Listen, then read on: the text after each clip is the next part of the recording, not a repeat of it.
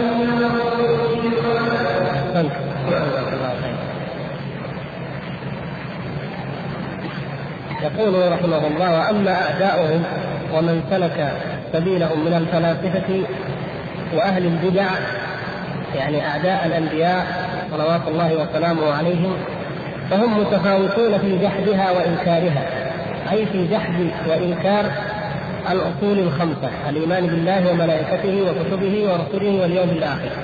وأعظم الناس لها إنكارا من هم الفلاسفة هؤلاء هم أعظم الناس إنكارا لهذه الأصول وهم أبعد الناس عن الإيمان بالله تبارك وتعالى. وإذا أردنا أن نرتب الناس يعني المنتسبين إلى الإسلام الذين يدعون الإسلام لو أردنا أن نرتبهم بحسب منزلتهم من الكفر أي بحسب درجة بعدهم عن حقيقة الدين فإن أول طائفة التي هي أبعد الطوائف جميعا وأكثرها جميعا هي طائفة من؟ الفلاسفة ثم يليهم من؟ ها؟ أهل البدع على طول يعني هم أهل البدع والكلام الفلاسفة هؤلاء كفر محض كفرهم كفر محض لا يخالطه إيمان وإنما قد يصانعون قد يصانعون أهل الإسلام فيدعون شيئا من الإيمان أو يقربون ما بين الفلسفة والإسلام كما سنوضح إن شاء الله اليوم. لكن الفرقة الأخرى التي هي هي أعلى من الروافض كفرا أشد منهم كفرا لا الباطنية. الباطنية أكثر من الروافض وهي أقرب الطوائف شبها بماذا؟ بالفلاسفة. أقرب الطوائف شبها بالفلاسفة هم الباطنية. ولهذا كما سنعرف إن شاء الله نجد أن الفلاسفة ينتسبون إلى الباطنية أو إلى الرافضة كما نجد مثلا ابن سينا مصير الكفر الصوفي مثلا. فهؤلاء الباطنية هم ينتسبون إلى الفلسفة ويدينون بها لكن يدعون أنهم من أهل الايمان ومن أهل الإسلام وقد يخفى أمرهم وحالهم. على الناس. فهم الطائفة الشبيهة بالفلاسفة في ايمانهم ومنهم كما تعلمون من الباطنية فرق مثل إيش؟ الإسماعيلية نعم والزهره والنصيريه والدروز. فرق كثيرة جدا. القرامطة وقد يسمى الجميع قرامطة. وظهرت فرق منهم مثل القرنية أتباع بابة القرني وغيرهم من من الطوائف التي ظهرت. تحت أسماء كثيرة وهم لا يؤمنون ولا يدينون بالإسلام لكن يتمسحون ويدعونه وكتابهم الذي يؤمنون به أصل وأعظم كتبهم هو كتاب رسائل إخوان الصفا رسائل إخوان الصفا رسائل إخوان الصفا وغيرها من كتب الباطنية لكن هذا بالذات كمثال تجدون فيه الحكمة أو الفلسفة اليونانية مركب على الإيمان بمبادئ أرسطو ومن هنا عرفنا أنهم أقرب الناس إلى الفلاسفة وأبعد الناس عن الإسلام. فهم دينهم في الحقيقة مركب من دين الفلاسفة. فتقريبا إذا رأيت الواقع اليوم ووجدت بعض الناس يدعي الإسلام وهو يدين بالفلسفات الغربية الحديثة ويعتقدها ويدافع عنها ويكتب فيها فكذلك كانوا هم يدعون الإسلام لكن في جميع كتبهم يؤمنون بالنظريات اليونانية ويدافعون عنها فيما يتعلق بالله الإيمان بالله وكتبه ورسله والملائكة واليوم الآخر في الأصول الخمسة المهمة هذه. فهؤلاء هم أكثر الخلق مع الفلاسفة الباطنية بجميع شعبها وفرقها. ثم بعد ذلك وهم قريب أيضا منهم تأتي الجهمية الغلاة الذين قلنا إنهم ينفون جميع الصفات. الذين ينفون جميع الصفات. فهؤلاء لا يثبتون شيئا في الحقيقة وهم معطلة لا يؤمنون بشيء ولا يثبتون شيئا لا ولا يثبتون خالقا. ومع هؤلاء وقريب منهم أو يليهم بقليل الصوفية والشيعة الغلاة. لأن الصوفي إذا غلا أصبح باطنيا. وإذا غلا الباطني أصبح فيلسوفا لاحظتم كيف؟ يعني هذا تقريبا صورة تقريبية. الشيعي إذا غلا صار رافضيا. فإذا غلا الرافضي أصبح باطنيا. فإذا غلا الباطني قد دخل أصبح فيلسوفا محضا من أتباع الفلاسفة. والفلسفة والباطنية متقاربة كما ذكرنا آنفا. رافضيا. يعني الشيعة الشيعة كلمة عامة كما تعلمون يعني بعض الشيعة تطلق على مجرد في الصدر الأول ما كان الشيعة يا إخوان في الصدر الأول في أول الإسلام ما كان الشيعي هو الذي يكفر أبا بكر وعمر. هذه ما كان ما كان في مسلم يسمعها ولا يرضى بها أصلا. إنما كان الشيعي هو الذي يفضل عليا على عثمان. وبعضهم يفضله على أبي بكر وعمر. فكان الغلاة من يفضله على أبي بكر وعمر وغيرهم من يفضل علي على عثمان. لكن تطورت حتى ظهرت الروافض في زمن زيد بن علي كما قد شرحنا بما مضى. ثم بعد ذلك دخلتهم الفلسفة ودخلهم الاعتزال ودخلهم الشرك وبناء المشاهد والقبور وما إلى ذلك حتى ابتعدوا جدا. ثم غلت غلت منهم الفرق المعروفة كالنصيرية والإسماعيلية. هؤلاء غلوا غلوا بعيدا عن الدين وعن الإسلام بالمرة هذا شرحناه فيما مضى ولا يأتي له إن شاء الله أيضا مزيد بيان عندما نتكلم في الأبواب الأخيرة عن الفرق. الروافض ولاة الروافض مثل ولاة الجهمية. يعني نستطيع أن نجعلهم بدرجة واحدة. هؤلاء لا يثبتون شيئا مطلقا. فكفروا بالله سبحانه وتعالى كفروا بالركن الأول والأصل الأول وهو الإيمان بالله. وهناك روافض الموجودون الآن أو من يدعون أنهم شيعة أكثرهم على هذا المذهب هؤلاء أصلا مشركون. مشركون ويعبدون غير الله ويدعون غير الله يجعلون صفات الألوهية لأئمتهم ولزعمائهم. المقصود أن هذه هي هي النسب أو الدرجات التي يمكن أن نصف أو نصنف بها الناس. وآخر شيء ياتينا الذين هم أصحاب البدع غير المكفره كأهل الكلام والمؤولين للصفات كالأشاعرة مثلا واشباههم وأقرب الفرق من الشيعة إلى أهل السنة وهم الزيدية على ما فيهم لكنهم أقرب فرق الشيعة. وأقرب فرق الخوارج على ما في الخوارج أقربهم إلى السنة وهم الأباضية. فهذه يعني صورة مجملة لأي شيء بترتيب الناس بحسب بعدهم. من الدين وبعدهم عن حقيقته فشاهدنا هنا أن الفلاسفة هم أبعد الناس عن دين الأنبياء وعن اتباع رسول الله صلى الله عليه وسلم وعن الإيمان بالله وملائكته وكتبه ورسله واليوم الآخر. والفلسفة أنواع كثيرة. وإن كان الشيخ رحمه الله هنا تعرض للفلسفة القديمة لأنها هي المعروفة لكن الموجود الآن في العالم فلسفات كثيرة. أما الفلسفة القديمة وهي فلسفة اليونان عموما سقراط وأفلاطون وأرسطو وأمثالهم فهذه أصبحت الآن في حكم التاريخ. أصبحت تدرس ضمن تاريخ الفلسفة على أنها تاريخ انتهت لكن ظهرت الفلسفات في القرن التاسع عشر القرن الماضي الميلادي ظهرت فلسفات كما ظهر قبل ذلك وان كان أكثر ما ظهرت واشتدت في ذلك القرن القرن الماضي. ثم امتدادا لها ظهرت أيضا فلسفات في القرن العشرين لها أنظمة ولها مناهج أخرى. فكانت الفلسفة المثالية وهي من أكثر الفلسفات التي ينادى بها هيجل القرن التاسع عشر. ثم ظهرت بعد ذلك الفلسفة الوجودية وهي أكبر وأشهر الفلسفات التي ظهرت في القرن العشرين. وقبل ذلك ظهرت الفلسفة التجريدية وهي التي لا تزال تدعى أو ينتسب إليها أكثر الغربيين إلى اليوم. وفي أمريكا يدين الناس أو الفلسفة الرائدة في أمريكا اليوم هي الفلسفة العملية أو البراجماتية كما يسمونها.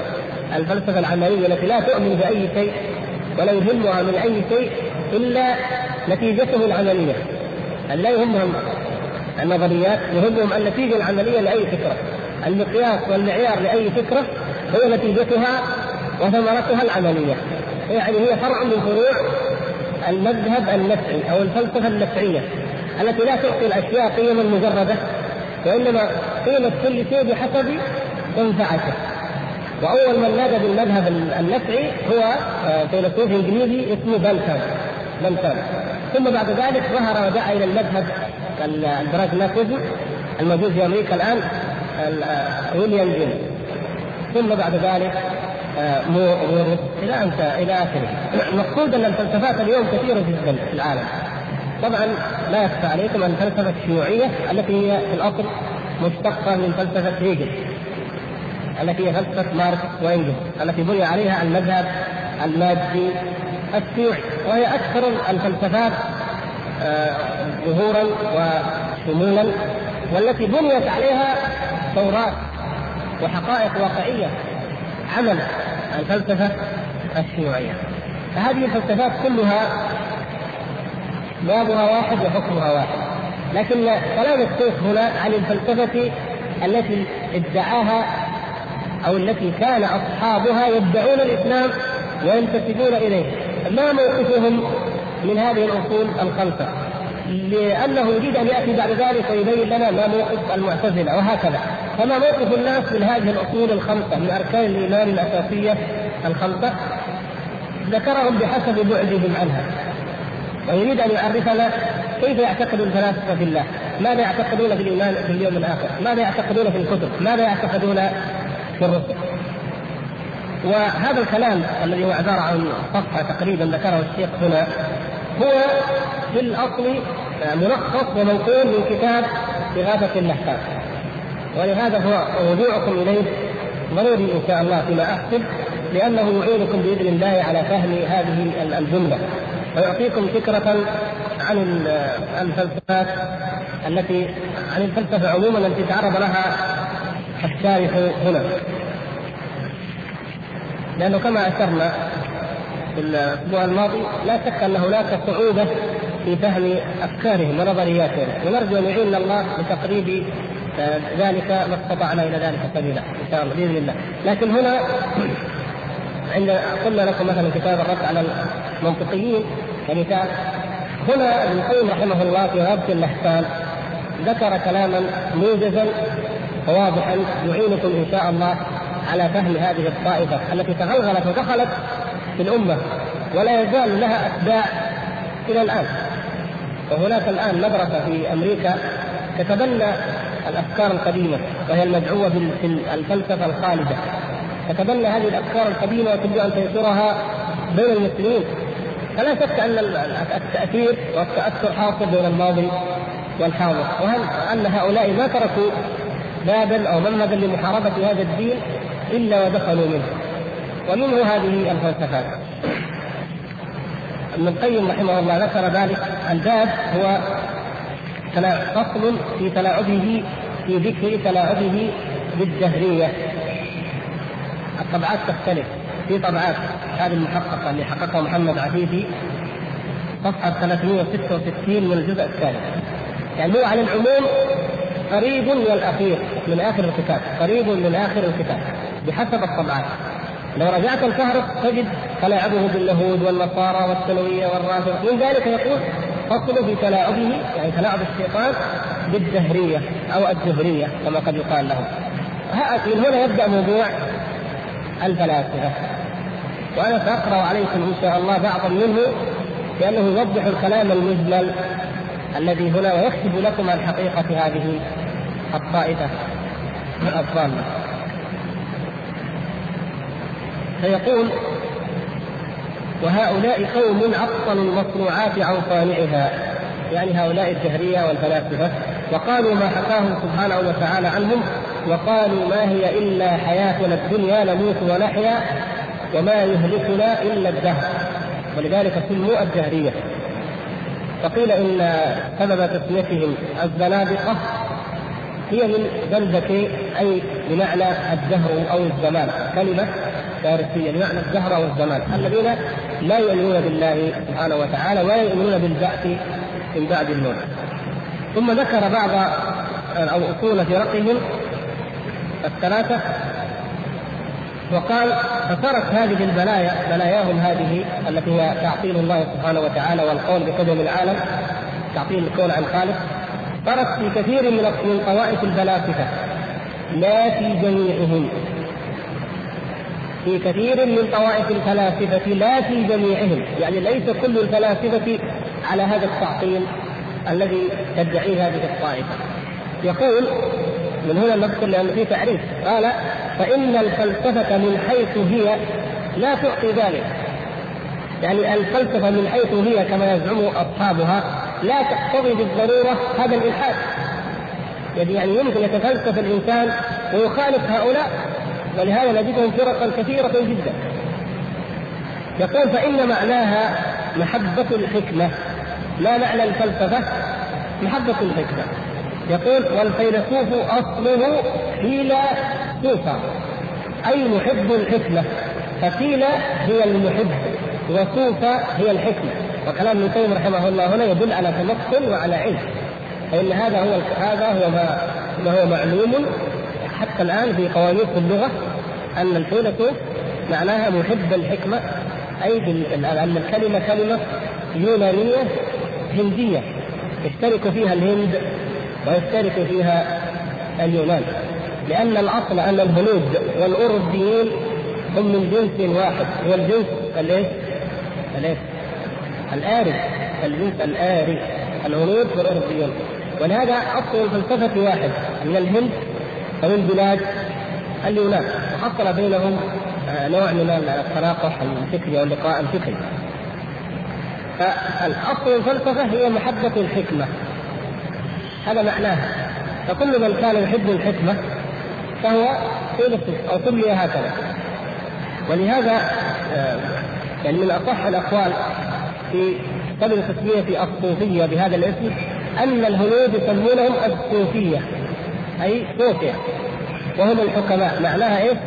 الحكماء أو أهل الحكمة ثم لما دخل في الإسلام نقلت كما هي العادة في ابدال الحروف الصغير بعضها ببعض ونسي الأصل وقيل إنهم ينسبون إلى الصوف لكن الثيوصوفيه معروفة من قديم والفيلسوفيه أيضا معروفة من قديم ثم يقول وأصح الطوائف حكمة من كانت حكمتهم أقرب إلى حكمة الرسل. يعني هناك أمم كثيرة تدعي الحكمة هناك أناس كثير يدعون الحكمة. لهم بالحكمه أشعار ولهم أخبار وأقوال وكتب. بالحكمة. مثلا كتاب كليله وجنه من الذي وضعه؟ الحكيم إيه؟ ماذا؟ المقطع مكربل بيضبه يعني بيضبه احفظوها يعني بيضبه حكيم هندي قديم وضع هذا الكتاب. على لسان الطير ليبين الحكمة. كيف يعيش الإنسان؟ كيف يتعامل؟ كيف المراوغة نتيجتها نتيجه الخيانة نتيجه الكذب نتيجه الصدق نتيجه كذا. هذه حكمة. يعني بعضها فيها عبر. لو نظرنا إلى أمة ليس لديها دين ولا إيمان ولا كتب هذه لا تقوم حياة الناس إلا بشيء من ذلك. ما يمكن تقوم حياة الناس بالفوضى وإنما تقوم بشيء إنه يربط أمور الناس. فلهذا أمم ليس لديها كتاب ولا رسول. قد تستفيد بل تستفيد من مثل هؤلاء الناس وهؤلاء الحكماء لأنهم في ضلال بالغ النبوة نور. فمن أشرقت عليه شمس الرسالة يمشي في النور. لكن في الظلام قد يوجد بعض العلامات. جذوع أشجار أحجار. ربما يتلمس الإنسان طريق فيعيش شيئا ما من الحياة في الظلام أحسن من لو عاش في ظلام ليس فيه أي علامة. يعني هذا التشبيه الذي يمكن أن نصف به مثل هذه العلوم. فحكمة الهند وحكمة اليونان أيضا. إلى إلى طاغور طاغور سمعت طاغور؟ طاغور الشاعر المتأثر الهندي الذي كان أيضا. له حكم. حكم يقولها كثيرة وفيها عبر وتولستوي الذي هو حكيم روسي. له حكم كثيرة قبل الثورة الشيوعية. ويقال إنه أسلم والله أعلم. لكن يوجد حكماء في كل الأمم يحاولوا يعطوها شيء من يعرفوا أن العقل طيب أن الخيانة لا خير فيها أن الصدق ضروري. أن كذا أن هؤلاء كل أمة تسميهم حكماء. وتفخر كل أمة بأن فيها حكماء. طيب. ما اعلى وارقى وأفضل هذه الحكمة؟ أنواع هذه الحكمة هي ما كان موافقا لحكمة الأنبياء أو قريبا منه يعني بقدر قربها مما جاءت به الرسل تكون درجتها في السمو. أو تكون بقدر البعد درجتها في السفول والعياذ بالله. والله سبحانه وتعالى قد سمى ما أعطى الرسل حكمة لأنهم أعظم الحكماء في الحقيقة على الحقيقة. فيقول يقول ابن القيم رحمه الله يأتي بآيات من ذلك. يقول قال تعالى عن نبيه داود وآتيناه الحكمة وفصل الخطاب وعن المسيح ويعلمه الكتاب والحكمة والتوراة والإنجيل. وأما الرسول صلى الله عليه وسلم فلا يخفى عليكم في كم من الآيات وردت الحكمة في وصف ما جاء به صلى الله عليه وسلم. ومن ذلك ما ذكره الله سبحانه وتعالى في حق أمهات المؤمنين. واذكرن ما يتلى في بيوتكن من آيات الله والحكمة. النبي صلى الله عليه وسلم جاءنا بأمرين بالآيات التي أنزلها الله عليه وهي هذا القرآن والحكمة التي أنطقه الله تبارك وتعالى بها وهي الوحي الآخر. أوتي القرآن صلى الله عليه وسلم ومثله معه كما ثبت ذلك. عنه هذه الحكمه وأعظم الحكمه وأولها توحيد الله. ولذلك لا يمكن ولا تصدق أن هناك حكمة ليس فيها توحيد. كل حكمة بنيت على غير التوحيد فهي كما اشرنا مجرد اشارات أو علامات في ظلام دامه الحكمة الحقيقية هي ما كانت من التوحيد وعلى التوحيد. ولذلك نجد أن أساس الحكمة في القرآن الآيات التي تتحدث عن الحكمة في سورة الإسراء بدأت بالتوحيد للنهي عن الشرك عباده الله سبحانه وتعالى. لا تجعل مع الله إلها آخر فتقعد مذموما مخذولا. وانتهت بقوله انتهى يعني وقضى ربك ألا تعبدوا إلا إياه أو يعني عقبت على التوحيد لماذا؟ عقبت على التوحيد بطاعة الوالدين وبالنهي عن الإسراف بكيفية الإنفاق. هذه من الحكمة النهي عن الزنا بعدم قتل الأولاد هذه من الحكمة. عدم أكل مال اليتيم الوفاء بالموازين والمكاييل الوفاء بالعهد. النهي عن الكبر ولا في الأرض مرحا. هذه كلها من الحكمة. ذلك مما أوحى إليك ربك من إيه؟ من الحكمة. هذه هي هذه الحكمة الحقيقية. ولا تجعل مع الله إلها آخر. فختمها أيضا بايه؟ بالنهي عن الشرك. فأصل الحكمة وأساسها هو التوحيد. به تبدأ وبه تنتهي. ولا حكمة مع الشرك. ولهذا هذه ثمانية عشرة آية. هناك ثمانية عشر آية التي في سورة الإسراء كلها في الحكمة ولا يمكن أبدا أن يصل العالم إلى حكمة أعظم منها في توحيد الله سبحانه وتعالى في معرفة حق الله ثم حق الوالدين ثم حق الأبناء ثم حق الناس في التعامل معهم في جميع أنواع المعاملات. وانتهاء بتربية النفس هذه وتهذيبها على أن تكون صادقة أمينة وفية غير متكبرة ولا متبخترة ولا مسرفة ولا ولا هذه هي الحكمة. وهذا غاية الحكمة تبدأ بالتوحيد وتنتهي بالتوحيد. هذه أعظم الحكمة. نرجع إلى كلام الشيخ يقول فالحكمة التي جاءت بها الرسل هي الحكمة الحق المتضمنة للعلم النافع والعمل الصالح للهدى ودين الحق لإصابته الحق اعتقادا وقولا وعملا.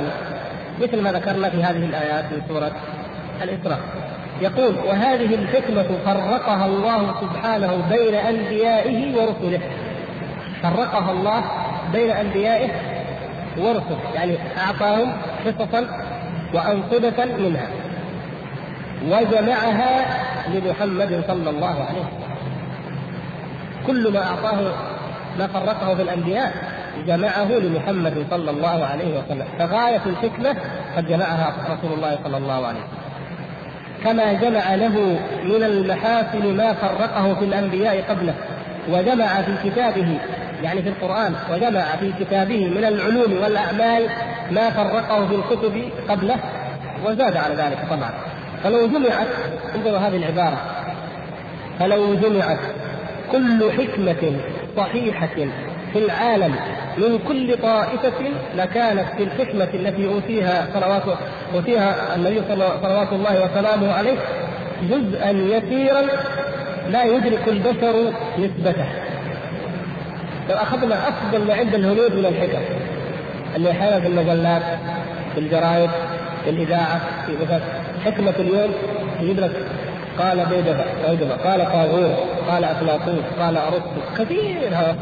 لو جمعنا كل أفضل ما عندهم من الحكم الصائبة الصادقة وجمعنا جميع ما عند الامم جميعا وانتقينا أفضل ما عند هذه الأمم كيف يقول؟ يقول لكانت نسبته بالنسبة إلى ما أوتيه النبي صلى الله عليه وسلم شيئا لا يدرك البشر نسبته يعني مثل كما على ما أظن ذكر ابن تيمية رحمه الله في قضاء الصراط المستقيم يعني يقول مثل نسبة أي معلوم إلى ما لا يتناهى يعني مثل نسبة الشيء الثابت إلى ما لا يتناهى وهي القاعدة الرياضية المعروفة. يعني أي رقم افترضته أنت؟ أي رقم افترضته؟ فنسبته إلى ما إلى ما لا نهاية كم؟ كم؟ صفر. نعم لا شيء. يعني مهما كان الرقم افترض أكبر رقم في ذهنك نسبته إلى ما لا نهاية له؟ صفر. لا شيء. هكذا كل حكم الأنبياء حكم الحكماء كلها بالنسبة إلى ما جاءت به الرسل. وبالذات محمد صلى الله عليه وسلم مهما كثرت نسبتها إلى هذا إلى هذه الحكمة الإلهية المبنية على التوحيد صفر لا شيء لا تكاد تعرف. يقول والمقصود رجع إلى أصل الكلام أن الفلاسفة اسم جنس لمن يحب الحكمة ويؤثرها هذا الأصل. يعني الأصل أن الفلاسفة اسم جنس عام لكل من يحب الحكمة ومن يؤثر الحكمة هكذا ولذلك لما سئل أبو العلاء عن الشعراء الثلاثة المشاهير من هم الشعراء الثلاثة؟ محل كلية الآداب أيوة المتلقي أبو تمام البحثري البحثري نعم سئل عنه أبو العلاء أبو العلاء من أي سن صنفه؟ من الفلاسفة أبو العلاء فيلسوف ملحد زنديق. لا يؤمن بالله ولا باليوم الآخر ولا بالملائكة ولا بالكتب ولا بالنبي. فهو لما صنفهم قال المتنبي وأبو تمام حكيمان وإنما الشاعر البحث. يعني المتنبي وأبو تمام إيش يجيبوا؟ يجيبوا حكمة. يجيبوا في كلامهم إيش؟ حكم. مثل ما آه مثلا يقول المتنبي مثلا الرأي قبل شجاعة الشجعان هي أول وهو المحل الثاني يعني ما في شيء. الرأي قبل الشجاعة حكمة حكمة طيبة. يمكن تسمع. كثير من شعر أبو تمام أيضا حكم. أنا والله ما في العيش خير ولا الدنيا إذا ذهب الحياء. خلاص حكمة طيبة. لكن ما هذا الشاعر البحثري هذا متنبي وأبو تمام حكيمان. يجيبوا حكم. تقبلها العقول. لكن الشاعر البحثي الذي يعبر عن مشاعر النفس وعن امور غير مجرد الكلام العقلي الذي تقبله العقول، لا يخاطب العقل إنما يخاطب إيش؟ الوجدان والشعور. فالشاهد أنه إيش؟ أن الفلسفة اسم جيد عام، كل من يحب الحكمة يمكن نسميه حكيم أو فيلسوف، ولهذا هم يسموا المعري فيلسوف المعرة. إذا قرأتم عن فيلسوف المعرة أحيانا يجيبوا حكمة كذا يسموها حكمة يجيبوا بيت من الشيخ يحطوا تحته فيلسوف المعرة مين فيلسوف المعرة؟ هو أبو العلاء المعري هذا الزنديق الملحد. يقول وقد صار هذا الاسم. هنا هنا النقطة اللي يجب أن ننتبه لها يا إخوة. إيش هو؟ صار هذا الاسم اسم الفلاسفة في عرف كثير من الناس مختصا بمن خرج عن ديانات الأنبياء ولم يذهب إلا إلى ما يقتضيه العقل في زعمه هذا مشهور الآن عالميا. عندما يقال فيلسوف يعني إيه؟ الذي خرج عما عليه الأنبياء. لا يؤمن بالأديان وإنما في نظره يؤمن بما في العقل ولهذا الغربيون أول ما بدأ الإلحاد عندهم بالفلاسفة. اشهر ملاحدة الغربيين هم فلاسفه فإذا قلنا فيلسوف معناه أنه لا يؤمن بالنصرانية لا يؤمن بما في الإنجيل. وإن قال إنه فيلسوف نصراني هذا شيء آخر. لكن هو خارج عما في الاناجيل وفي العهد القديم والجديد ولهذا يسمونه المفكر الحر يسمونهم فلاسفة أو المفكرون الأحرار ليش أحرار؟ من اي شيء يتحررون؟ يعني من سلطة من قبضة من دين الكنيسة الذي كانت تفرضه عليهم ولعلنا إن شاء الله إذا فرصة أحدثكم كيف نشأت الفلسفة الغربية ومن أين جاءتهم هذه الحرية المزعومه. يقول وأخص من ذلك أخص من ذلك اسما يعني هذا معنى عام ما الذي أخص منه؟ أنه في عرف المتأخرين اسم لأتباع أرسطو وهم المشاؤون خاصة. الفلسفة المشاؤون المشائيه والمشاؤون قيل إن سبب ذلك أنهم كانوا يفكرون وهم ينسون وهذه نوع من أنواع من الناس كذا من يفكر دائما هو ينسى ويتكلم وينسى دائما يعني هناك يعني حقيقة معروفة الآن. يعني كانت نكتة كانت نكتة. تقال يعني للعجب للضحك. وهي الآن من الحقائق النفسية المعروفة. أن الفرق بين الجنون وبين الفلسفة شعرة. ما في فرق؟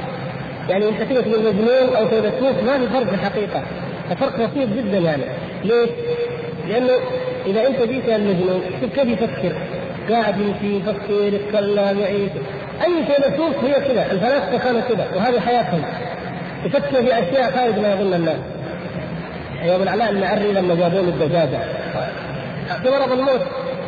أرادوا أن يطعموه. جابوا له دجاجة. كل شوية مرض دجاجه يا ابو العلاء؟ كان تشرب فقال استضعفوك فأكلوك. هلا أكلوا ابن الأسد؟ يعني ليش؟ إن كانوا شاطرين ما ياكلوا ابن الأسد؟ ليش ما ياكلوا الدجاج والحمام والوز والبط وكذا؟ استضعفوك فأكلوك. يعني هذا الكلام يقوله المعري من منطلق حكمة يعتبر هذه من الحكمه وهؤلاء الفلاسفة النباتيون الذين يعيشون على النبات ولا يأكلون اللحم ويقول غدوت مريض العقل والدين فأتي لتعرف أنباء الأمور الصحائح وإيش هذا يا أبو العلاء؟ يقول الناس كلهم مرضى العقل مرضى القلوب مرضى الدين تعالوا حتى تعرفوا العلوم الصحائح وش هي؟ فلا تاكل مع القى الطير إلى يعني لا تاكل البيض. هذا هذا الكلام إذا قاله ابو العلاء يؤخذ على أنه إيه؟ حكمة. عظيمة. لكن لو جاء واحد بالشارع مجنون لا يسمي نفسه شاعر ولا فيلسوف مجنون فعلا. قال عندي لك خبر مهم جدا أبغى أكلمك فيه وأرجوك تعال خمس دقائق شوف الله. جاء قال شوف لا تأكل البيض ولا تأكل الدجاج. شوف هذا مجنون فعلا. طيب. هذه هذه هي يعني مجنون يقول لا تأكل البيض. فالعباره واحدة الفكرة واحدة لكن لما جاءت على لسان أبي العلاء حكمة عظيمة ويفتخرون بها ويصنفونها في أنواع الفلسفات. فإذا جاءت على لسان المجنون العادي هذا مجنون ما أحد يأخذ ولا تكتب ولا تدون ولا تسجل.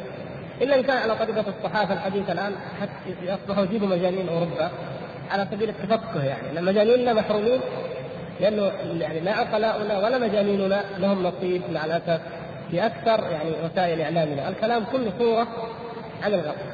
فإذا واحد مجنون في أوروبا مثلا يعني عايش مع الثعابين أكل له حاجة غريبة بلع له حاجة من المصائب كذا يكتبوا عنه هنا يجيبوا صورته ويذكر يعني فهذه هي الحكمة. اذا الفرق بين الجنون الفرق بين الجنون والحكمة شعره والآن الدراسات النفسية تؤكد هذا الشيء تماما إنه يعني المجانين اما فلاسفة انجنوا يعني فلاسفة صار مجنون. أو إن الفيلسوف ممكن يصير مجنون أو هو مجنون يعني الفرق بينهما يعني ليس بكبير. الفلاسفة الأخص إذا قيل الفلاسفة يطلق على أتباع أرسطو أي الفلاسفة المشاؤون الذين كانوا يمشون ويفكرون. الله سبحانه وتعالى أعطاهم أعطاهم النور أعطاهم الرسالات. وما ترك عز وجل من فضله ورحمته قرية إلا وبعث فيها نذيرا وبعث في أمها رسولا يتلو عليهم آياته ولكنهم أعرضوا عن هذا الخير وهذا النور وأخذوا يمشون ويفكرون ويجتهدون بآرائهم الفجه ولهذا أخرجوا ما سنقرأه من أمور غريبة لا يكاد يصدق العقل أن احدا يقولها من البشر. يقول وهم الذين هذب ابن سينا طريقتهم وبسطها وقررها يعني أشهر أشهر من عرفها وشرحها من المنتسبين إلى هذه لهذه الملة هو الرئيس كما يسمونه أبو علي ابن سينا صاحب كتاب الإشارات الذي سيأتي عرضا هو الذي بسط كلام أبو وشرحه يقول وهؤلاء فرقة شاذة من فرق الفلاسفة. حتى ضمن الفلاسفة هؤلاء فرقة شاذة لكن وقع عليهم أعداء الإسلام المنافقون من الروافض لأن ابن سينا في الأصل رافضي وهذا سيتضح هنا ذكره آه، شيخ الإسلام ذكره ابن القيم ذكره الذهبي في سير اعلام النبلاء عن عنه من لسانه ابو ابن سينا أصله من الاثنى عشرية. ثم دخل في دين العبيديين. وتفلسف وأخذ بكلام المشائين ومقالتهم واحدة من مقالات القوم. حتى قيل يعني إحدى مقالات. حتى قيل إنه ليس فيهم يعني ليس في الفلاسفة جميعا القدماء يعني من يقول بقدم الافلاك غير أرسطو وشيعته فقط يعني أكثر الفلاسفه أو كل الفلاسفة القدامى يقرون بوجود الله وأن الله تعالى هو الذي خلق هذا الكون. والذين يقولون إن الأفلاك الأفلاك هذه ليس لها أول وتتحرك بذاتها فرقة شاذه الذين هم أتباع هذا المشرك الوثني أرسطو. يقول والاساطين الثلاثه قبله كانوا يقولون بحدوثه يعني بحدوث العالم. وإثبات الصانع ومباينته للعالم وأنه فوق العالم وفوق السماوات بذاته كما حكاه عنهم أعلم الناس في زمانه بمقالاتهم من هو أعلم الناس في أوروبا بمقالات الفلاسفة من المنتسبين للإسلام؟ ابن رشد ابن رشد هو الذي عن طريقه عرفت أوروبا ارسطو ولذلك الغربيون يعدون ابن رشد فيلسوفا اوروبيا. اثيروس يسموه اثيروس يعني يعتبروه أوروبي وكلامه كلام أوروبي وهو يترجم آه، ارسطو كان ابن رشد أعلم الناس في زمانه قيدها في زمانه بالفلاسفة. وإلا جاء بعده من هو اعرض منه. من يقرأ كلام شيخ الإسلام ابن تيمية رحمة الله عليه يستطيع أن يقسم بالله دارا غير حالف أنه أعلم الناس بكلام الفلاسفه لا يمكن لا يمكن أن تجد وهذه الكتب موجودة أمامنا احدا يعلم مذاهب الفلاسفة جميعا مثل شيخ الإسلام ابن تيمية. حتى إنه يعرف من عن فلسفة كل مذهب منهم أكثر ما يعرف بعضهم عن بعض. بل ربما يعرف عن فلسفة بعض الطوائف أكثر ما يعرف أساطينها عنها. يذكر كلام ابن ابن سينا أو غيره الفارابي عن أرسطو يصحح كلامه. ارسطو يمكن يكتب كذا وكلامه يحتمل كذا وهذا كذا وخالفه فلان سقراط وقال كذا. شيء عجيب جدا يعني.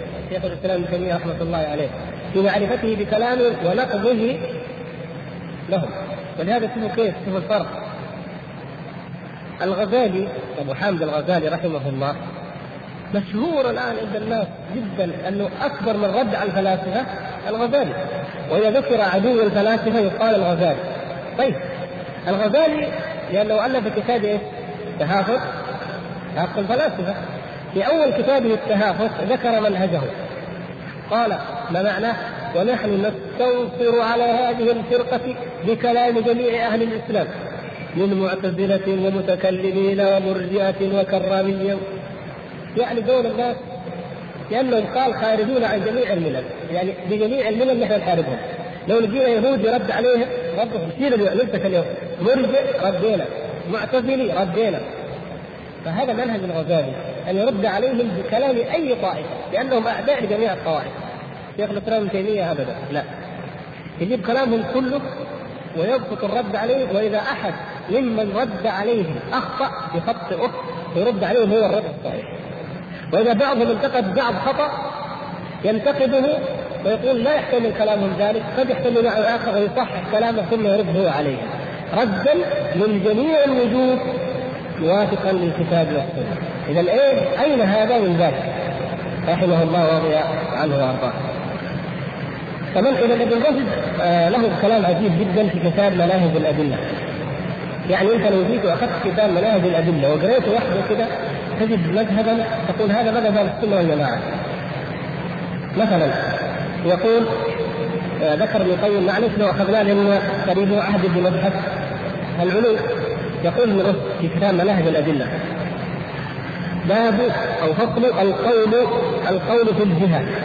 القول في الجهة. قال وأما هذه الصفة فلم يزل أهل الشريعة من أول الأمر يثبتونها لله سبحانه. أهل الإسلام يثبتونها حتى نفتها المعتزلة. ثم تبعهم على نفيها متاخرو الأشعرية كابي المعاني ومن اقتدى بقوله.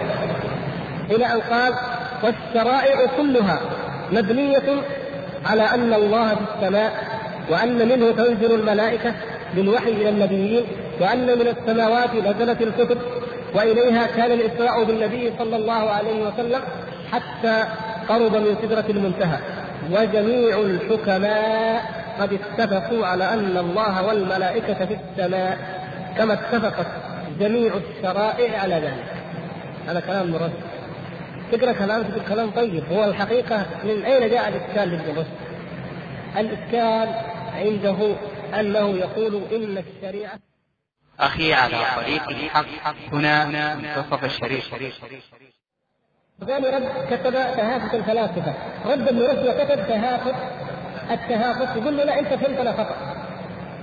ولذلك أخذ يرد على الغزالي يقول أنت أيها الغزالي أشعري وكلامكم أنتم الأشاعرة هو لا يقبل لا يقبله العقل. ولا النقل. لكن نحن كلامنا الشرع الحكمة والفلسفة سواء. يعني كل ما جاء به محمد صلى الله عليه وسلم حق وكل ما جاء به أرسطو وأفلاطون حق وهما سواء ولا فرق بينهما.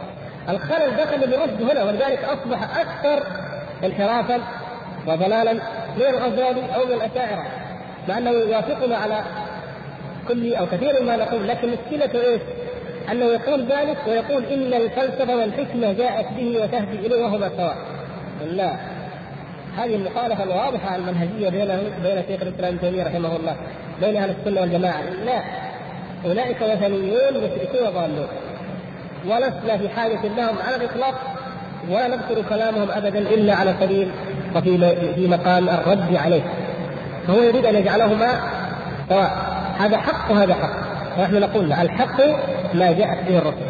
أما أن العقول السليمة تدل على ما جاءت به الرسل هذا حق. لا شك في ذلك. لكن ليس من باب إثبات حكمة أرسطو وأفلاطون بل كل عاقل فهو يرى في نفسه أن ما جاء به محمد صلى الله عليه وسلم هو غاية الحق الذي لا تستطيع العقول أن تأتي بمثله ابدا. يقول هنا كلام عجيب جدا لابن القيم رحمه الله أيضا يدل على علمه واطلاعه وإحاطته بالفكر العالمي كما كان شيخه شيخ الإسلام رحمه الله يعني يذكر لك تاريخهم وتطورهم. من التلميذ؟ من الأستاذ؟ ما الذي خلفه فيه؟ شيء عجيب. الآن نحن نقول التاريخ سهل لكن أول كيف كانوا يعرفون. هذا حقيقة عجيب. يقول كان أساطيرهم ومتقدموهم العارفون فيهم يعني من الفلاسفة معظمين للرسل والشرائع موجودين لاتباعهم خاضعين بأقوالهم معترفين بأن ما جاءوا به طور آخر وراء طور العقل شيء لا يمكن للعقل أن يصل إليه. وأن عقول الرسل وحكمتهم فوق عقول العالمين وحكمتهم يعني تقريبا من الاتجاه الذي ايده ابن رشد. وكانوا لا يتكلمون في الالهيات هذا الاساس الفلاسفة القدامى قبل أرسطو كانوا لا يتكلمون في الالهيات وإن كان نسب إليهم كلاما بعدين. ويسلمون بعد الكلام فيها إلى الرسل. فيقولون علومنا إنما هي الرياضيات والطبيعيات وتوابعها. يا سلام لو بقيت كده. هذه أخطر قضية فكرية في العالم. أن الفلاسفة خرجوا من الكلام في العلوم الطبيعية والرياضيات وخاضوا في وجود العالم وفي قدمه وفي نشأة الكون ونشأة الحياة فخرجوا كفروا وأكثروا الناس. لكن لو أنهم اقتصروا على هذه العلوم ما كان هناك تعارض دعوا ما يتعلق بالإله باليوم الآخر. بالغيب دعوه للرسل للكتب. أما الطبيعيات التجارب التي أمركم الله تعالى أن تبحثوا فيها وأن تسيروا في الأرض فتنظروا كيف بدأ الخلق. انظروا كيف بدأ الخلق. انظروا ماذا في السماوات والأرض. هكذا أمر الله. لكن لا تتجاوزوا ذلك إلى الكلام في أمور الغيب. فهذا الكلام لو بقيت الأمور هكذا ما شهدت أوروبا ولا العالم التابع الذي أصبح كله تابعا لها الآن مع الاسف هذا الصراع الفكري والعداوة بين العلم وبين الدين. لو بقوا يبحثون في موضوع الطبيعيات والرياضيات كما كان فيثاغور وارسميدس ومن كان منهم باحثا في هذه العلوم وترك باب الالهيات يقول وقد حكى أرباب المقالات يعني المؤلفون في الفرق. المقالات هي إيه؟ اعتقادات الفرق مثل مقالات الأشعري الأشعري مقالات الاسلاميين يعني أقوالهم مذاهبهم وآرائهم. وقد حكى أرباب المقالات أن أول من عرف عنه القول بقدم بقدم هذا العالم أرسطو أول من قال إن العالم هذا قديم. هو هذا الذي يعد له المعلم الأول أرسطو وكان مشركا يعبد الأصنام. أرسطو مشرك يعبد الأصنام. وله في الإلهيات كلام كله خطأ من أوله إلى آخره. قد تعقبه بالرد عليه طوائف المسلمين حتى الجهمية والمعتزلة والقدرية والرافضة وفلاسفة الإسلام فلاسفة الإسلام الذين انتسبوا الإسلام أنكروه عليه وجاء بما يسخر منه العقلاء. حتى الفلاسفة الذين ينتسبون إليه لكنهم انتسبوا أيضا ينتسبون الإسلام لم تستطع عقولهم أن ترضى أن يقروا أرسطو على كل ما قال. بل غيروا فيه كلام لا يقبل العقل أبدا. ومن ذلك أنه أنكر أن يكون الله سبحانه يعلم شيئا من الموجودات. وقرر ذلك بأنه لو علم شيئا لكمل بمعلوماته ولم يكن كاملا في نفسه. يعني هذا يأتي شرحه أكثر. يقول فهذا غاية عقل هذا المعلم والأستاذ. سبحان الله هذا أستاذ الضلال وأستاذ العلم الذي الذي هذا كلامه. وقد حكى ذلك أبو البركات وبالغ في إبطال هذه الحجج وردها من أبو البركات؟ ها؟ لا. لا ما هو من هذا فيلسوف ها؟ لا لا. أبو البركات عند الفلاسفة هو أبو البركات ابن ملكة ابن ملكة. فيلسوف كان يهوديا. من أهل بغداد القرن السادس قبل الشيخ الإسلام ابن تيمية رحمه الله. كان يهوديا واعتنق الإسلام في آخر عمره وألف كتابا مطبوعا اسمه المعتبر في الحكمة. المعتبر. هذا على منهج ابن رشد تقريبا يعني نقض ورد كلام الفلاسفة وقال إن ما جاء به محمد صلى الله عليه وسلم هو الحق ولذلك دخل في الإسلام لكن بقي متفلسفا. يعني لو مرض الفلسفة هذا قل من ينجو منه. يعني من من المنتسبين للإسلام أو من اليهود أو من النصارى هذا مرض موتى موتى روجيه جارودي دخل في الإسلام. ما صفى إيمانه. لو الفلسفة لو وثق فرجع يسلك بين وحده الوجود بين الحلول بين ابن عربي بين احد الأديان. يعني قليل من ينجو منها إلا من عصم الله سبحانه وتعالى. حتى مصطفى محمود جلس يدرس النسبية واينشتاين ورذرفورد ومدري مين ضيعوه اسلم كما يقول ارتحل من الشك إلى اليقين إلى الإلحاد الايمان وبقيت عنده هذه الأمور. قل أن تجده قل أن تجد أحدا آه، أذهبت عقله الفلسفه ثم عاد سليما نسأل الله السلامة والعافية. ولهذا فالخير أن لا يدخلها الإنسان وأن لا يخوضها إلا لمعرفة باطنها من تمكن الإيمان من قلبه. أما أن يؤمن بها ثم يرجع هذا قد لا يرجع سالما ولهذا يقول الشيخ الشيخ أبو بكر بن العربي أبو بكر ابن العربي تلميذ من؟ شارح الايش؟ طيب تلميذ تلميذ أبو حامد الغزالي. أيوه القاضي أبو بكر بن ابن العربي. تلميذ أبي حامد الغزالي. يقول شيخنا أبو حامد دخل في الفلسفة؟ في بطون ولم يستطع أن يخرج منها.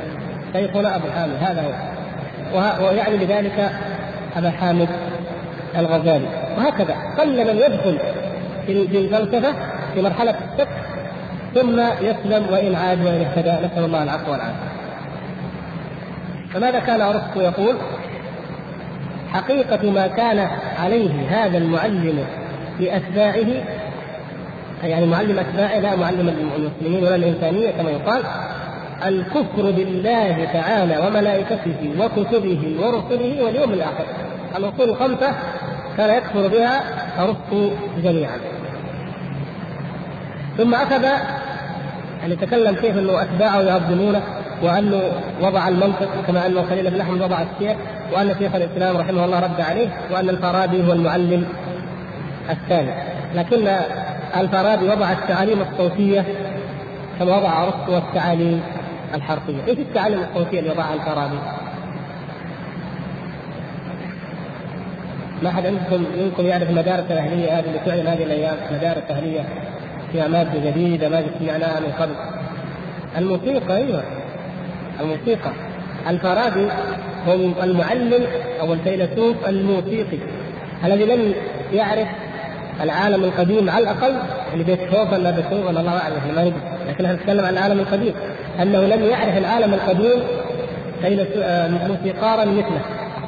لأنه كان يضرب على القيثار فيهز القوم من الطرب حتى يضحكوا جميعا. ثم يغير فيدق حتى يبكي جميعا في التأثير. طبعا يؤثر في القلوب الضعيفة. القلوب المتعودة تدمن لما نجد واحد يسمع أغنية متعود أن يسمع أغاني فياتي يسمع أغنية ويوقف السيارة. إذا مات من عند مكان في حفلة ولا شيء في غيره يوقف يدوخ يسمع لأنه ضعيف هش ما عنده شيء. لكن طبعا المؤمن الذي يؤمن بالله واليوم الآخر ويعلم أن هذا حرام وقلبه قوي بالإيمان هذا يكون أشد ما يكون مثل نهيق الحمير ونباح الكلاب. يتأذى منه يريد أن يفارقه ويبتعد عنه. فأصحاب القلوب المريضه الذين كان في عهد الفارابي كان يضحكهم ثم يبكيهم وفي الأخير ينومهم يعزف حتى يناموا جميعا ويخرج ويتركهم. بس كيف قوه التأثير؟ هذا ما ينسب إليه. فهو معلم المعلم للموسيقى. طبعا عندهم الفلاسفة عندهم الشعر والموسيقى هم أرقى الفنون. بعضهم يجعل الفنون أربعة الشعر والموسيقى والتمثيل والحكمة. التمثيل الحمد لله الأمة الإسلامية سلمت منه وهذا مما نعجب له. حاجة حاجة عجيبة فعلا. كيف سلم المسلمون من التمثيل؟ شيء ما أدري كيف إلى الآن أنا لم أجد من يجيبني على هذا السؤال. لأنهم نقلوا كل ما عند اليونان إلا المسرحيات. سبحان الله. ما في مسارح كان الجواري عندهم وكان الغنى وكان إلا التمثيل. يعني يمكن والله أعلم لأن الذوق العربي الذوق الإسلامي عموما يرفض التصنع هذا وكذا. الله أعلم. لكن ما في جواب واضح. نقول إنه أخذوا عنهم جميع الفنون لكن لم يأخذوا كلامهم في في المسرحيات وفي كيفية المسرحية في أنواع الشعر. لأن العرب أصلا يعني من اسباب طبعا الشعر السبب واضح إيش؟ الشعر إن العرب يرون أن شعرهم غاية الشعر وبيانهم غاية البيان كلام أي شعر غيرهم إيش يعتبرون العرب؟ رطانة. رطانة عاجل ولذلك العرب في لغتها تسمي الدابة عجماء ويسمون الذين يتكلمون العربية اعجمي يعني سبحان الله طبعا هذا هي الجاهلية. ثم جاء في الاسلام لكن اصل اللغة واللغة العربية موجود كذا كأن الذي لا يتكلم العربية لا يتكلم شيئا. لأنه لا لا يقول شيئا. إلا دعاء ونداء. لا يفهم شيئا. فمن اعتدادهم بذلك كل كلام ارسطو في فن الشعر والسير حتى لم يهتموا أن يترجموه. يمرون عليه أشد تلامذته حبا له يمر عليه مرورا عابرا. لا يهمه أمر. لكن التمثيل الله أعلم ليش ما اخذوا هذا الفن كما يسمى. إحنا ما شاء الله فينا في عصر الضعف والانخفاض أصبح أهم حاجة كما تدرس المقابلات الشعرية. تأثرت بشعر مين؟ اليوم تاثرت بوردزورث كولبر هيل مدري مين. بس أحيانا يعني يعني يمكن يكون لهم قيمة عند منهم أحيانا ليس لهم قيمة. بعض الشعراء لا تعرفه أممهم ولا دولهم مثل ما جاء بعض اخواننا من المغرب وتونس وكان عندهم يعني الان اللغة العربية متمكنين وكذا. قالوا أنتم صحافتكم هنا تتكلم عن أدباء في تونس في المغرب. والله نحن ما نعرفهم. ولا سمعنا عنهم في السودان. ما نعرفهم. قالوا حتى عند إحنا هنا كمان. يعني نفس الشيء. يعني هناك هم يتكلموا عن ناس من الشله اللي عندنا هنا حداثيه وفلان وفلان مين هو ذا؟ ها؟ واحد يقول أستاذ الجامعة اتصل بي واحد قال لي فين فلان هذا؟ إيش يشتغل فلان؟ فلان لا شكله هذا. يا شيخ هذا الناقد الأديب اللي كل يوم ثلاث صفحات أربع صفحات في الجرايد حقت والله ما سمعت عنه هو موجود؟ يمكن يكون مو سعودي قال سعودي واسمه فلان وهذا الجرايد والله ما أدري. ما ما هو معروف عندنا هنا؟ معروف هناك. واللي ما معروف هناك كمان معروف هنا يعني يعني فأخذنا حتى الشيخ. فأصبح القدوة كل شعراء الانحطاط للغربيين أو اشباههم وكذلك في فن التمثيل كما يسمى. أخذ لرمته افلام العنف والجنس والرعب وال... وكل المصائب أخذها وقلدها مع الأسف. متاخرو المسلمين والله المستعان. المقصود أن هذه الفنون التي وضعها أرسطو الفنون الأربعة كما يسمونها وضع هذه الفنون يقول رد عليه شيخ الإسلام ابن تيمية ورد عليه أيضا السيرافي رد عليه بعض الناس المعلم الثاني الذي جاء بعده هو أبو نصر الفارابي يقول وبالغ في ذلك الفارابي وكان على طريقة سلفه يعني على طريقة أرسطو من الكفر بالله تعالى وملائكته وكتبه ورسله واليوم الآخر.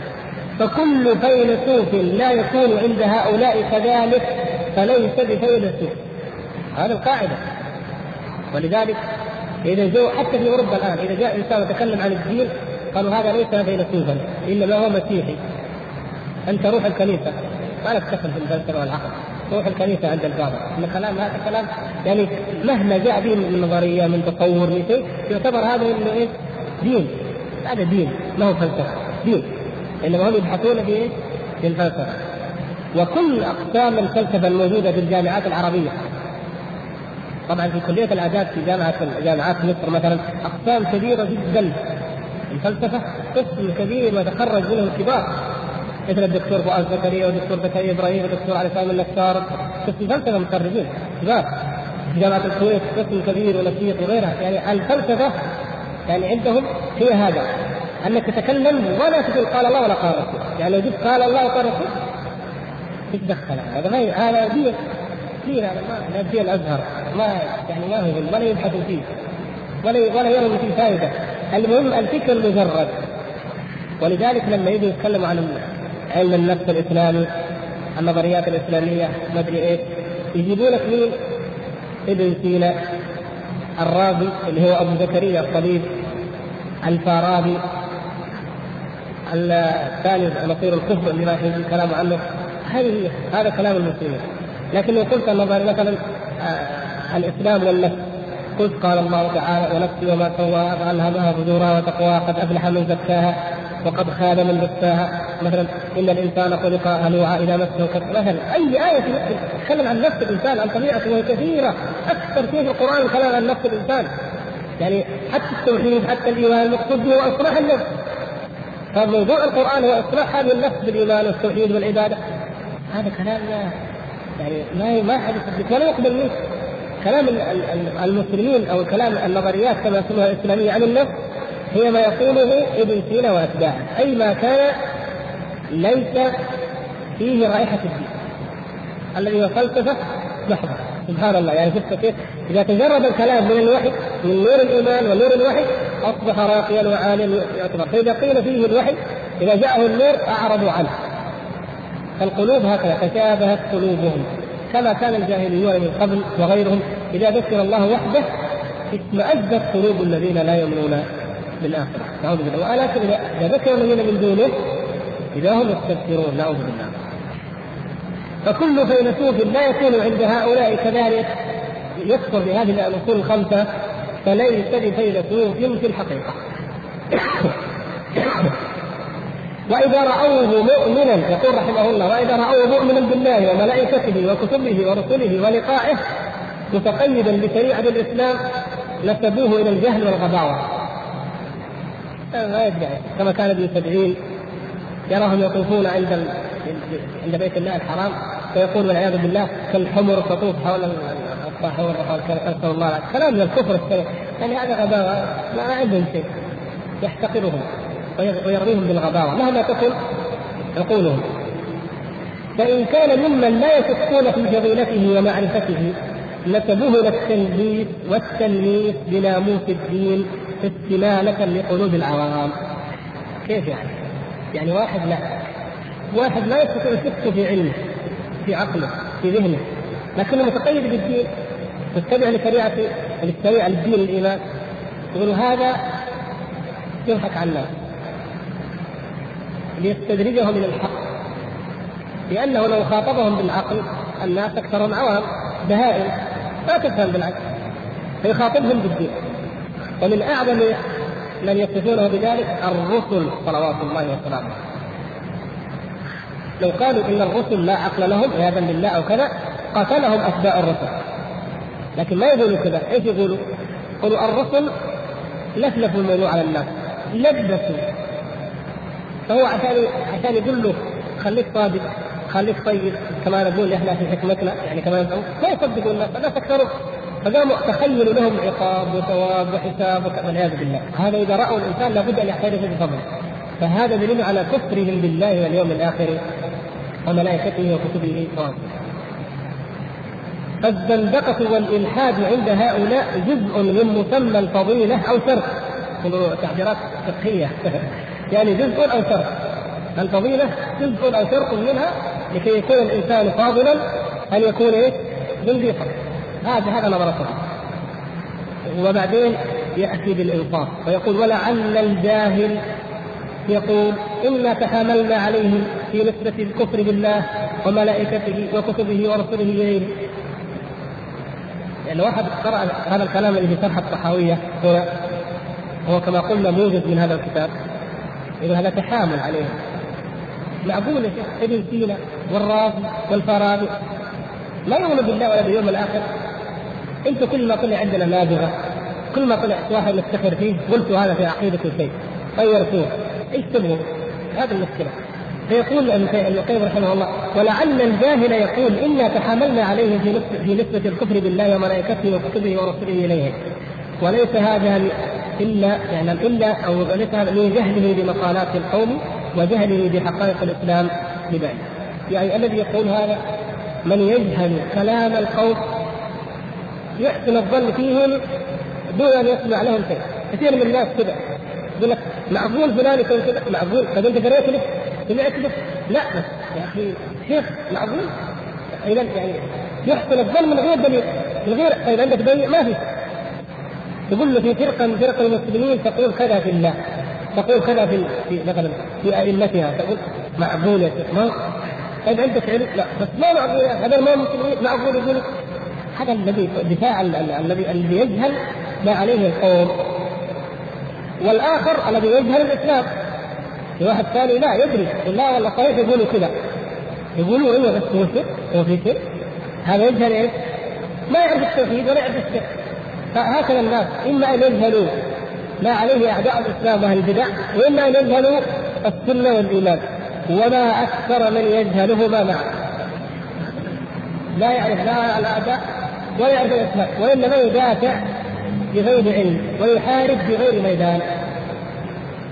فاعلم فاعلم. إذا من هنا نبدأ بمعرفة إيمانهم بالتفصيل. فاعلم أن الله سبحانه وتعالى عما يقولون عندهم عند الفلاسفة كما قرره متأخري أفضل متأخريهم ولسانهم وقدوتهم الذي يقدمونه على الرسل أبو علي ابن سينا هو الوجود المطلق بشرط الإطلاق.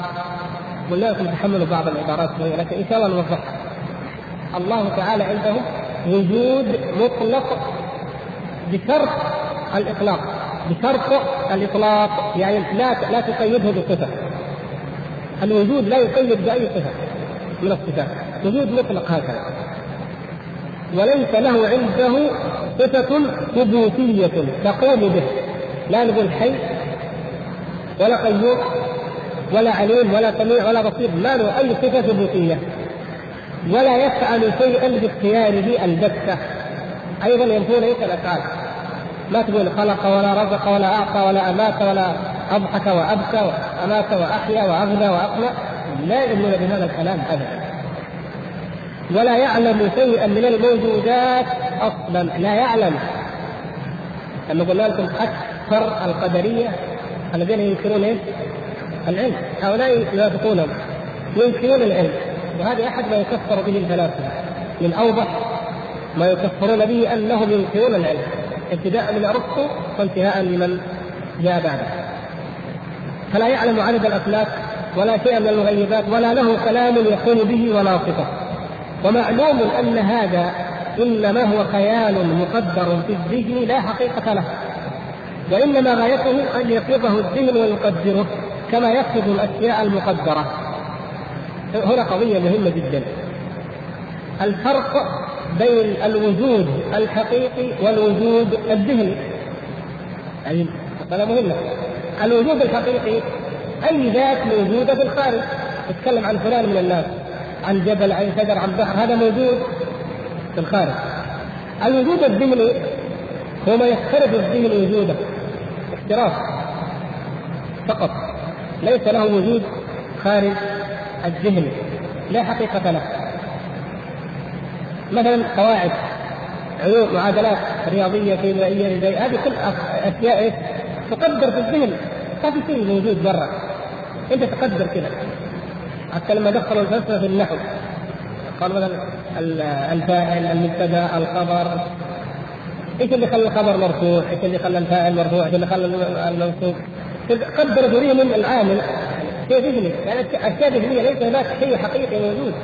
إيش هو الفاعل؟ إيش المفعول؟ ما في شيء أنت تتكلم الناس تتكلم. هذه اللغة. لكن في حاجة فاعل مفعول خبر محذوف ودخل عليه الفاعل فنصب هذا كله كلام تقديرات ذهنية لنعرف بها كيف؟ تتكلم. ما له وجود ما في شيء موجود. فهم جعلوا الله تبارك وتعالى وجعلوا أمور الغيب غيب أمور الأخرى من الغيب جعلوها أمور ذهنية فقط ليس لها وجود. نسأل الله العافية. ولذلك كانوا أكثر الناس وكانوا أبعد الناس عن الإيمان بالله سبحانه وتعالى وكانوا مجردين له عن أي صفة. فهو كما عندهم لا داخل العالم ولا خارجه ولا فوقه ولا تحته ولا يمينه ولا شماله لابد ان يعني يبقى موصوفا ب لا يوصف بشيء بل بترك الإطلاق. وقل والفرق بين بين رب بين هذا الرب الذي تخيله وبين الرب الذي دعت إليه الرسل صلوات الله وسلامه عليه هو الفرق بين الوجود والعدم والنفي والإثبات. هذا هو. فأي موجود فرض كان أكمل منه. أي موجود افترض هو أكمل من هذا الإله المزعوم عنده. بل قال منحوت الأيدي من الأصنام له وجود. وهذا الرب ليس له وجود. حتى الأصنام المنحوتة لها وجود أما هذا الرب اللي يقدروه ليس له وجود. إذا الأصنام أفضل يعني لها وجود على الأقل فيها وجود. عدد شيء أما أما هذا ليس له وجود وجود أبدا. انت قريت الخبر اللي طلع من الجمعه الأول امس الجمعة اللي قبلها في منصة الطلب أنهم يعني ما شاء الله آه، بعد الحفر سنوات طويلة استطاعوا أن يكتسبوا أن يعثروا على قلم إيش اسمه؟ مين اللي قال الخبر؟ ما تدروا؟ حدث أثري كبير جدا ما سمعت عنه والفرحه بوجوده أيوه صح هذا حدث كبير يعني مسخرة مسخرة اكتشفوا نسر نسر الذي كان يعبد قالوا كذا قالوا إن هذا هو الصنم نسر وأن طوله كذا وعرضه كذا وعيونه فيها يواقيت وفيها كذا. وقد حمل في سياره خاصة من آه، نجران إلى الرياض. هناك يدرس في المتحف. حتى يشوفوا هذا الصنم يعني هذا هذا إذا كان مصر عند عند مصر أهرام فإحنا عندنا كمان نسر ويمكن نلقى يغوث ويعوق. الشاهد إنه يعني حتى الاصنام لها وجود. يعني حاجة موجودة بدليل ناس الآن الآن تفتخر فيها. الآن بعد الإسلام بعد التوحيد. فكيف في أيامها؟ لكن إله ارسطو وإله افلاطون ليس له وجود أصلا لأنه مجرد خيال في الذهن. سبحان الله يعني ما نقدر نكمل. آه لكن نحب أن نلفت نظر الإخوان. إن إن شاء الله بعد الصلاة كالعاده نجيب على الاسئله لكن سنتغيب وننقطع آه، إن شاء الله ثلاثة أسابيع. ثلاثة أسابيع ثم نعود بعد ذلك إن شاء الله.